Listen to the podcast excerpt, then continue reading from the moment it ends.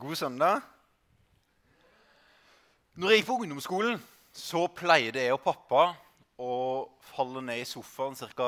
kvart på ti søndag morgen og se på TV 2. For da gikk det Bonanza. Det var stas. Veldig stas. Og i Bonanza, når du skulle inn i en saloon eller en bar der, så var det sånne dører med doble dører som du kunne slå inn i rommet. Hvis du er kokk eller jobber på et storkjøkken, så fins de ennå. Men de dørene er altså sånn at du kan slå det inn i rommet, og så stopper de ikke der. De skaper et moment. De stopper opp litt. Og så går de ikke bare tilbake til utgangspunktet, men de slår ut i gata på utsida. Og så står de gjerne og vingler litt fram og tilbake etter det. Og hvis du skal huske én ting fra det jeg skal prate om i dag, så har jeg lyst til å huske denne westerndøra. For jeg tror det her er oppsummering av Efeserbrevet. Jeg tror Efeserbrevet begynner med den tanken om at Gud slår inn hjertedøra vår. Det begynner med de tre første kapitlene som handler om sannheten om hvem Gud er, og hvem vi er. Og når det får moment i livet vårt, så stopper det ikke der. Det kan ikke stoppe der.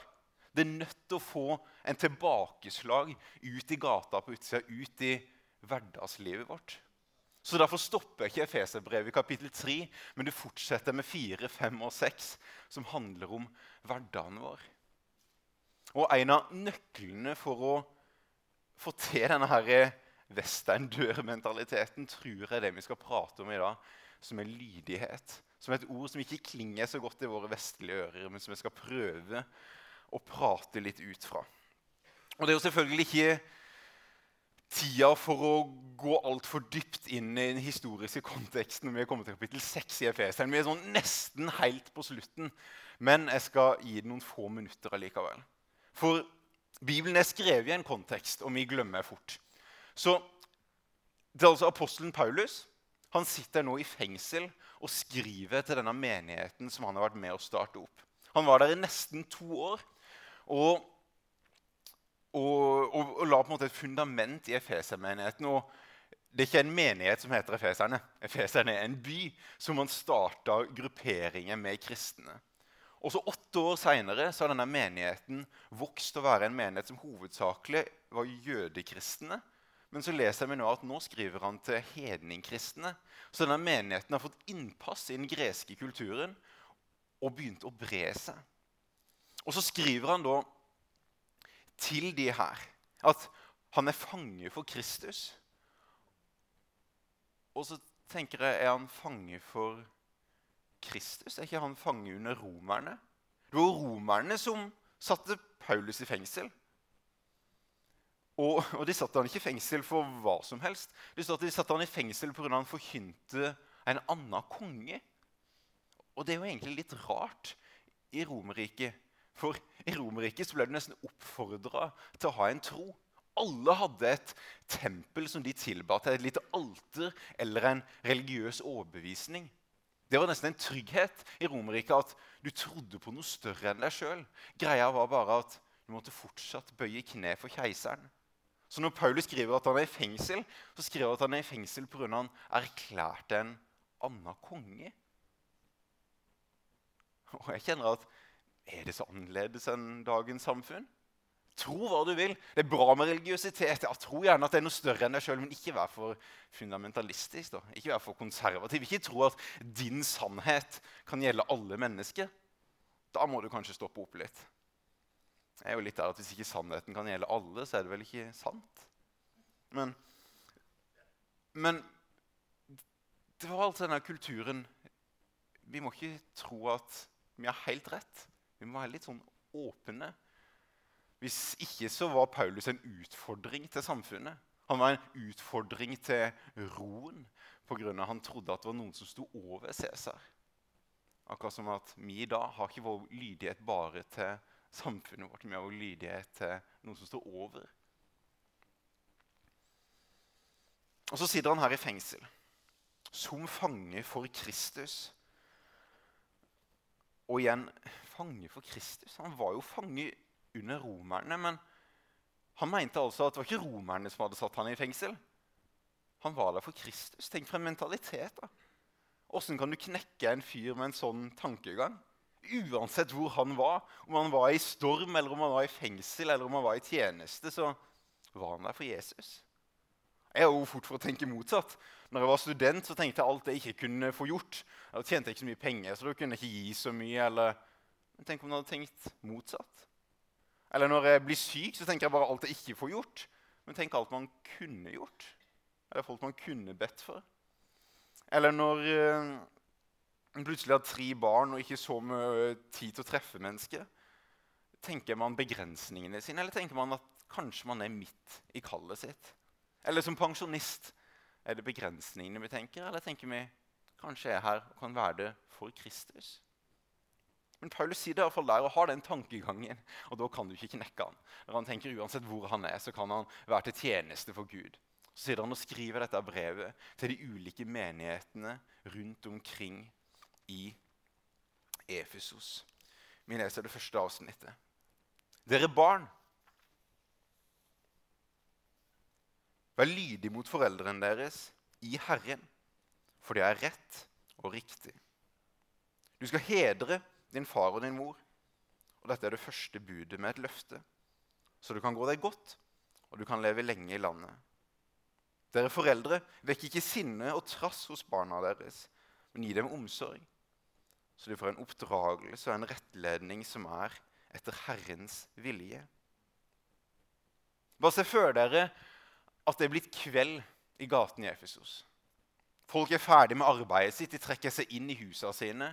Og kanskje er du en del av en liten husmenighet eller bare familien din, og så har du fått dette brevet overlevert fra pappaen i troa, Paulus. Det har vært en enorm spenning knytta til det her. Kanskje hadde du dette kveld, brevet bare denne kvelden, for du visste at det må sirkulere videre. Eller kanskje hadde det blitt ganske mange kopier allerede. I en mørk, overfylt stue så begynner de kanskje å lese fra Efeseren 1. Jeg ser for meg at de leste gjennom det mange ganger når de først hadde dette brevet. Kanskje de avslutta det med litt bønn og takknemlighet. Og så begynte de å lese igjen. Og jeg tror noe av det samme skjedde hver gang de leste og kom til kapittel 6. Dere barn. Der satt barna, og i den kulturen ble de sett på som underutvikla voksne. Som noen som bare var på vent fram til de kunne ha en betydning. Og så skriver Paulus 'dere barn'. Akkurat som at dere får ikke en betydning snart, men dere har en betydning nå. Dere er barn. Dere er viktig akkurat nå. Og så er det ikke sikkert de likte det han skrev. Vær lydig mot foreldrene deres i Herren. Men jeg tror han begynner her med å introdusere et ord som jeg prøvde å begynne med. Det her med å være lydig. Og jeg vente oppsummert egentlig med det jeg skal snakke om i de eksemplene hun hadde. For kanskje jeg, Når jeg tenkte lydighet med første gang, så tenker du bare en bra dressert bikkje som bare står og venter på instruksjon. Og igjen akkurat som at vi for noen uker siden måtte omdefinere begrepet å underordne seg, så må vi omdefinere det her at Bibelen har en, kanskje en litt annen betydning på det enn det vi har. Jeg tror Å bytte det ut med tro kan være mye bedre Det å være lydig mot Gud. For, for, Jesus sier jo at jeg kaller dere ikke lenger slaver. Slaver er en sånn mentalitet at de bare venter på instruksjon. Ja, nå kan jeg gjøre det, eller gjøre det. Men han sier nei, nei, jeg kaller dere ikke til slaver lenger. Jeg kaller dere til sønner og døtre. For slavene vet ikke hva Hans Herre vil, hva som er intensjonen og hjertet hans. Men det vet sønnene hans, for de kjenner pappaen sin. Så lydighet er ikke en sånn der, vente på kommandomentalitet. Det handler om å bli kjent med Han som elsker oss. Og ut fra den kjærligheten så skjer det noe med oss. Når den kjærligheten slår inn i livet vårt, så får, får det noen konsekvenser i hverdagen på utsida. En av de første gangene jeg opplevde det, var på en skautur i 9. klasse. Der vi ba sammen før vi skulle legge oss. Og så opplevde samtlige av de kompisene jeg var på tur med, å bli møtt av Den hellige ånd. Det førte til en helt annen hverdag etterpå. En annen trygghet i møte med mine kompiser. Høsten 2017 så opplevde jeg på en helt annen måte. Der jeg satt i lunsj med en assistent på skolen. Og i løpet av den lunsjen så, så nevnte han sikkert ti ganger den vonde ryggen hans. Og jeg opplevde ikke at Gud sa nå må du be for ham. Men så begynte det å surre i bakhodet, det som står i Markus kapittel 16. Dette skal kjennetegne de som tror. De skal legge hendene på de syke, og de skal bli friske. Og det er Noen ganger vi tenker at ja, men jeg trenger å høre at Gud snakker til meg. Og så er det noen ganger Gud har sendt oss et brev. Han trenger ikke å ringe oss rett etterpå. Bibelen har kanskje allerede sagt noen ting som vi kan få lov til å leve ut. Og så tørte jeg i lydighet å bare spør han famlende du, jeg, jeg, tror at uh, vi som kristne kan be for folk, og at de blir friske. Og, og han var nok enda for meg falmen. Han sa ja, du kan få lov til å prøve. Og så la jeg en hånd på ryggen hans og, og ba bare en kort bønn. For jeg hadde lært at hvis Gud har sagt noe, så trenger vi ikke å spørre han om det først. Da kan vi uh, si til sykdommen at den skal gå. Så jeg sa bare sykdom, eller smerte gå i Jesu navn. Og så hopper han opp av den sofaen han sitter i. Øy, det forsvant med en gang! Og jeg ble kanskje mer overraska enn det han ble. Jeg trodde ikke det her ville funke. Eh, men det det førte til, var at den sannheten som først hadde slått inn i livet mitt, fikk et moment ut i hverdagen min. Og, det, og der stopper det ikke. For idet det får et moment ut i hverdagen vår, så slår det tilbake igjen. Kanskje med en takknemlighet. Kanskje med en dypere tro. Kanskje noen ganger så opplever man å gjøre eller gå i lydighet eller i tro, og så skjer ikke det man tenker skal skje. Og For min del så kan det føre til frustrasjon, men som regel fører det til at en går tilbake og så søker en Gud bare enda mer. Og så er det ikke handlingen som bygger tro, men det er den nærheten til Gud. Så hva da med lydighet? Dere barn, vær lydige. når de som var jøder, hørte det her bli opplest, så visste de at det hebraiske språket det har ingen ord for lydighet. De har 613 bud og regler, og så har de ingen ord for å adlyde eller være lydig. Det er ganske spesielt. Og Jødene var ganske opptatt av det at det Gud ikke har noen ord for, det er ikke så veldig viktig for oss. De hadde et annet ord. Så de visste at med en gang de hørte være lydig mot foreldrene deres, så visste de dette budet fra første Mosebok. Først går det tre bud de, har de ti bud som handler om å elske Gud. Og så snur det, og så handler det om å elske mennesker pga. teologi som bare er abstrakt. Det er, ikke, det er, ikke, bra, for livet må jo leves. Så Derfor har det alltid noen praktiske konsekvenser. Og så Det første budet det begynner med da, er du skal hedre din far og din mor. Og, og, og i denne settingen så, så, er ikke det ordet 'å lyde' som Paulus henviser til, men han henviser til ordet 'skjema', som er det hebraiske ordet for 'hør'. Og, og hva betyr det å, å, høre? Jo, hvis du virkelig hører, da adlyder du òg. I 5. Mosebok 4-6 eh, så står det her verset som jeg tror det var eh, det de tenkte på med en gang. At hør, Israel, Herren vår Gud. Herren er vår Gud, og Herren er én. Dette var det jødene våknet opp til. Hver morgen og hver kveld så ba de denne trosbekjennelsen. Hør, Israel, Herren er én. Hør, Israel. For hvis du virkelig hører, da vil du òg adlyde. Så lydighet handler ikke så mye om å være en dressert bikkje men det handler om å tune seg inn på å høre Gud. Hva er det Gud egentlig sier i Skriften? Og hva er det Gud sier spesifikt inn i livet vårt? Og så tørre å ta et steg på det. Og så slår det tilbake i livet vårt. Og så er det her sånn en dans der det går fram og tilbake. Og når vi får erfart, så rotfester det oss. Var det ikke det Jesus sa i den lignelsen om han som bygde huset på fjell? Det var den som hørte ordet og gjorde etter det. Han bygger huset på fjell. Alle vil møte stormer, alle vil møte vanskeligheter i livet. Det er vi ikke skåna for. Men den som hører ordet og prøver å putte det ut i liv, ut i praksis, han er den som bygger huset sitt på fjell. Og når stormen kommer, så blir den stående. Ok, Så lydighet er altså en avgjørende ting. Men åssen skal vi lære det? Jeg tror det er det den teksten her handler om. Gud ønsker at vi skal være lydige mot han. Moses var lydig mot Gud og ble en leder for en nasjon. Abraham var lydig mot Gud og ble far til en nasjon. Jonah til slutt ble lydig og redda en nasjon. Og I vårt liv så har vi de her vitnesbyrdene at kanskje vi reagerte på noe Gud sa en gang. Og så førte det til et trosteg som har vært med å skape retning i livet vårt. Og Hvor lærer jeg meg det? Jo, Jeg tror ikke det hovedsakelig er i gudstjenesten eller på bibelskole. Jeg tror det er i familien. Dere barn, vær lydige mot foreldrene deres i Herren, for det er rett og riktig.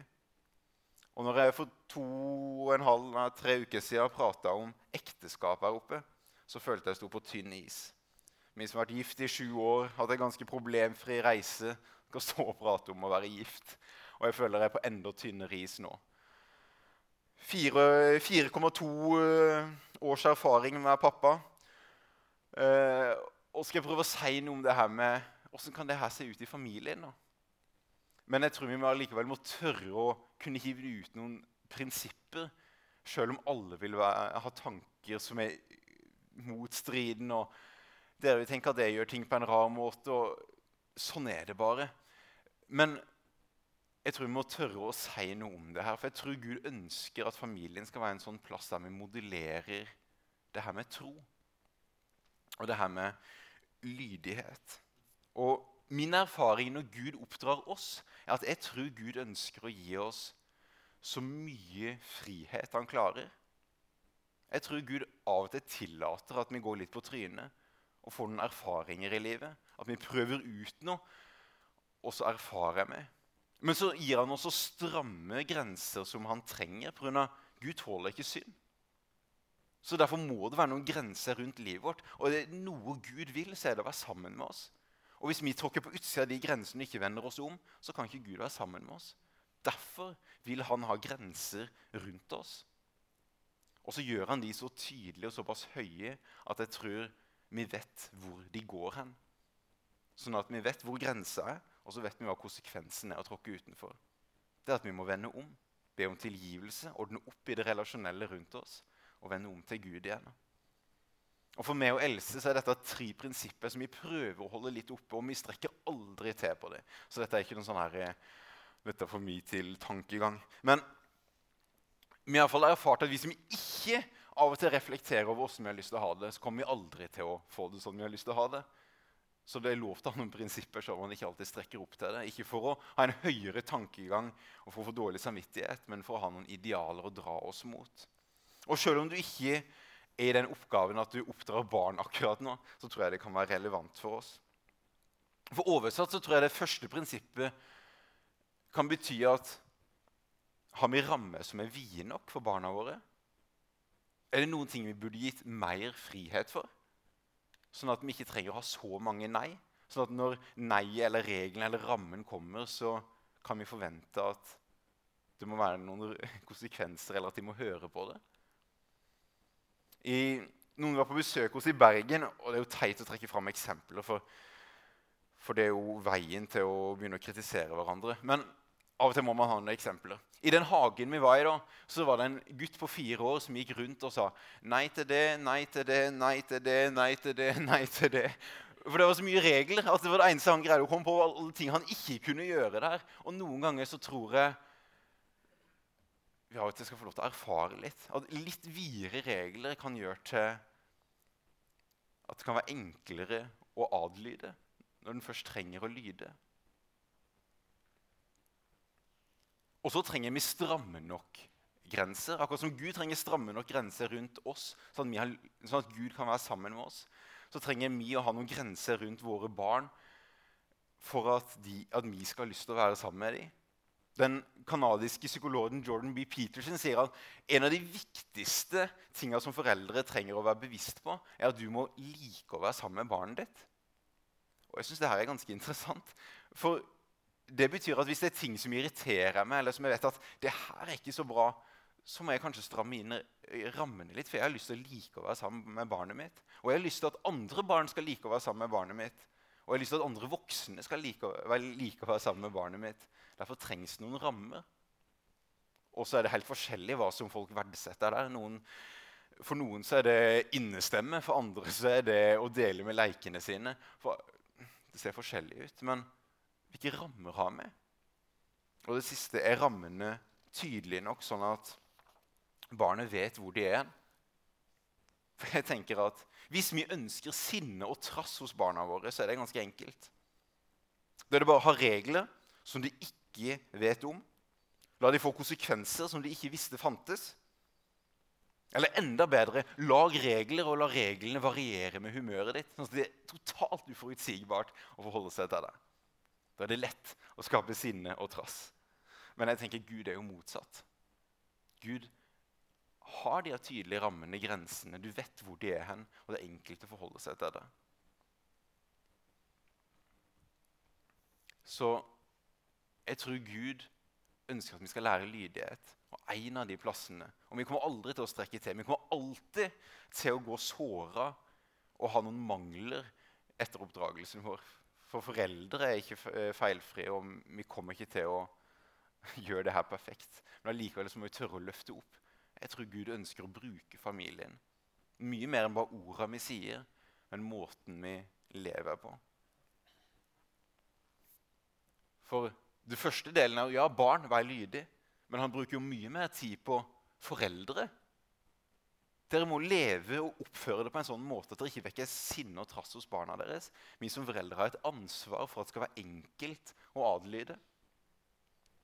Og så kommer vi til neste, da, og der går han bare enda lenger. Dere slaver, vær lydige mot deres jordiske herrer som mot Kristus selv. Med respekt og ærefrykt og et oppriktig hjerte. Vær ikke øyentjenere som bare vil gjøre mennesker til, til laks. Men Kristi tjenere som helhjertet gjør Guds vilje. Gjør tjeneste med et villig sinn. Det er Herren og ikke mennesker dere tjener. Og dere vet at Herren skal gi hver enkelt igjen for det gode han gjør, enten han er slave eller er fri. Dere herrer, gjør det samme mot slaven deres. Bruk ikke trusler. Dere vet at både de og dere har samme herre i himmelen, og han gjør ikke forskjell på folk. Strukturen på det avsnittet er helt likt. Det står 'slaver adlyd herrene deres', men så snur han det. Dere herrer, gjør det enkelt for slavene å adlyde dere. Og Paulus er jo blitt kritisert av en del stemmer opp gjennom tida at han prøvde å opprettholde slaveriet. han. Men i en kultur der det var 90% slaver, så skjønte han at det å bare, prøve å avskaffe slaveriet med å si at det er ikke lov lenger, er ikke måten å forandre menneskelivet på. Han gjorde noe som var mye, mye smartere. Han sa til herrene dere skal ha et helt annet sinnelag. Dere skal ikke være noen som hersker eller som dominerer, eller som prøver å få ting på deres egen bekostning. Dere skal åpne dere opp. Dere skal gjøre det, gjøre det lett å være en slave. Og Hvis vi leser brevet til Filemon, så leser vi at han, han, snur det enda mer. Du skal ta imot denne slaven som du skulle tatt imot med, som en bror i troa. Og for hvert menneskeliv som ble forandra, så tror jeg slaveriet ble mer og mer utrydda. Og moderne slaveri det er jo ikke noe mindre i omfang. Det er bare at vi ser det ikke så lett. FN antyder at det er mer enn 40 millioner mennesker i verden som er et offer for moderne slaveri. Det var ikke så synlig for oss. Vi slipper å forholde oss til det. Men likevel så blir dette slaveriet mata akkurat det samme som de tinga på den tida. Med egoisme, med vårt behov for å heve oss over noen andre. Og hver gang vi i Vesten klikker oss inn på porno, så mater vi dette dyret. Hver gang vi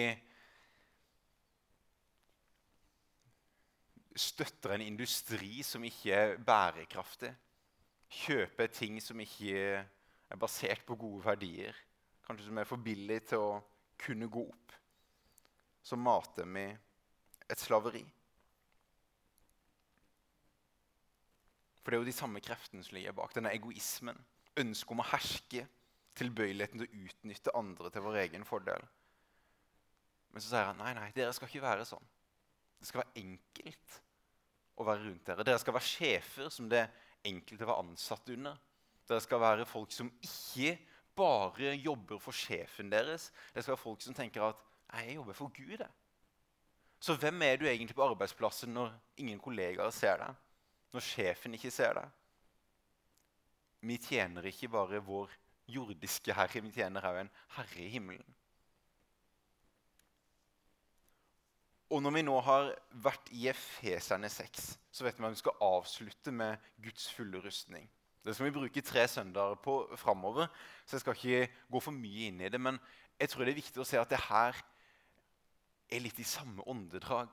Det er ikke sånn at Paulus plutselig stopper opp og så prater han om noe helt annet. Nei, Nå har han pratet om ekteskap, om hvordan ekteskapet skal modellere Kristus og kirka.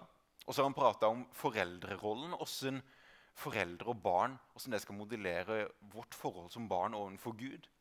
Og så prater han om arbeidsrelasjon, hvordan det her skal være å modellere og trene oss i, i vår gudsrelasjon. Og at gudsrelasjonen skal påvirke vår arbeidsrelasjon. Og så, så, så avslutter han med det her. Men husk at dere er i en kamp. Husk at hver kveld når dere legger dere, så er det en som har en god plan for ditt liv, og så er det en som har en dårlig plan for ditt liv. Det fins en brølende løve som ønsker å finne noen å sluke. Og så fins det en gud som ønsker å bygge deg opp. Så våkn opp. Det er en åndelig kamp rundt deg. Når, når, du begynner å krangle med kona di eller med barna dine, så er det ikke bare den krangelen. Det er jo en åndelig realitet her. Og krangelen vil kanskje være normal, men det er hvordan utfallet på det Jeg mener at vi vender oss tilbake til Gud, ber om tilgivelse, ordner opp etter oss. For djevelen ønsker distansjon i de her relasjonene, men Gud ønsker nærhet. Så hva er denne åndelige kampen, da? Jeg tror vi kan lære veldig mye av det som vi har lest om akkurat her, med lydighet. Vi leser i Jakob 4 at Gud står de stolte imot, men de ydmyke gir han nåde. Så vær da lydig mot Gud. Men står djevelen imot, så skal han flykte fra dere. Hold dere nær til Gud, så skal han holde seg nær til dere. Jeg tror Noen ganger så tenker vi når det kommer til det med åndelig kamp, og det, det skal vi prate om senere, men så er det her en kamp mellom oss og djevelen. Men jeg tror ikke det hovedsakelig er det. For når vi er lydige mot Gud, så snur vi djevelen, eh, snur vi ryggen til det vonde. Og så vender vi oss til Gud. Og det Jakob er opptatt her, er at vi skal passe på at ikke vi står Gud imot. For hva skjer når vi står Gud imot? Da får vi stolthet i hjertet vårt. Og det er mye skumlere. Så lydighet tror jeg er veien inn i det vi skal prate om videre. Det er en rar, rar historie som jeg skal avslutte med, som Nytestamentet nevner ganske mange ganger. Som jeg tenker Hvorfor nevner dere den her? Det er jo den rareste historien i Gamle Testamentet om eselet som snakker. Det handler om Ballak og Bileam. Det er altså denne Ballak, denne kongen av Moab, som ser hva israelsfolket har gjort med amorittene når de kommer og så blir han kjemperedd. Og så tenker han hva skal jeg gjøre? Hvordan skal vi greie å knekke Israels hær? Og så tør han ikke gå i krig med dem, men så kaller han til seg denne profeten Biliam. Kan ikke du Biliam, gå opp og så forbanne Israel? Stå i den åndelige kampen og knekke de der. Kaste forbannelser over dem. Og så prøver Biliam å gjøre det her, men så klarer han det ikke. Uansett, Når han åpner munnen sin, så blir det bare velsignelser. Og så er det eselet som taler til ham, og det er en helt sånn absurd historie.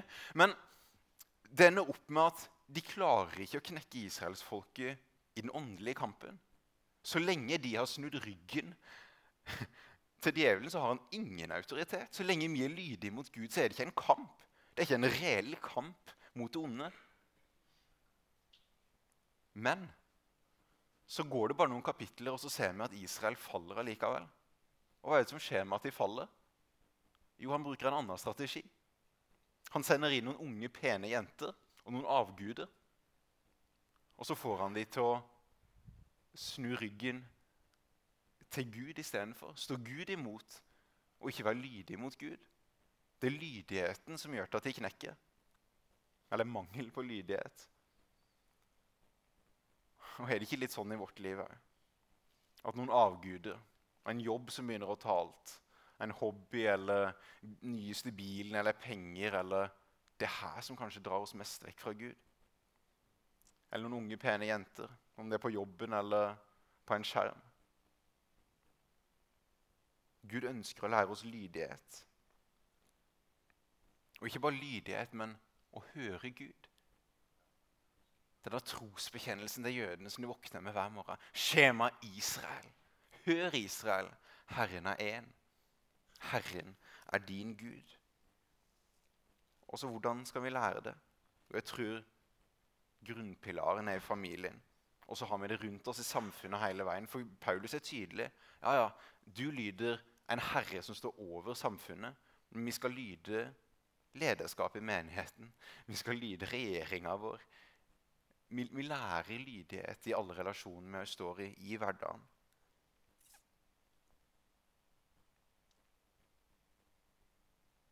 Det er mennesker og ikke Gud vi tjener. Ja, Gud, hjelp oss til å høre din stemme. At ditt ord kan slå innover i livet vårt. Sånn at en praksis og en erfaring og et liv kan slå utover, sånn at det kan berøre mennesker rundt oss. Og vi ber om denne ja, om et lydhørt hjerte, Jesus. Og så ber vi jo for våre egne familier og familier på Vegårshei. At det skal være familier der det skal være godt å vokse opp. At det skal være foreldre som er enkle å høre på. At det skal være barn som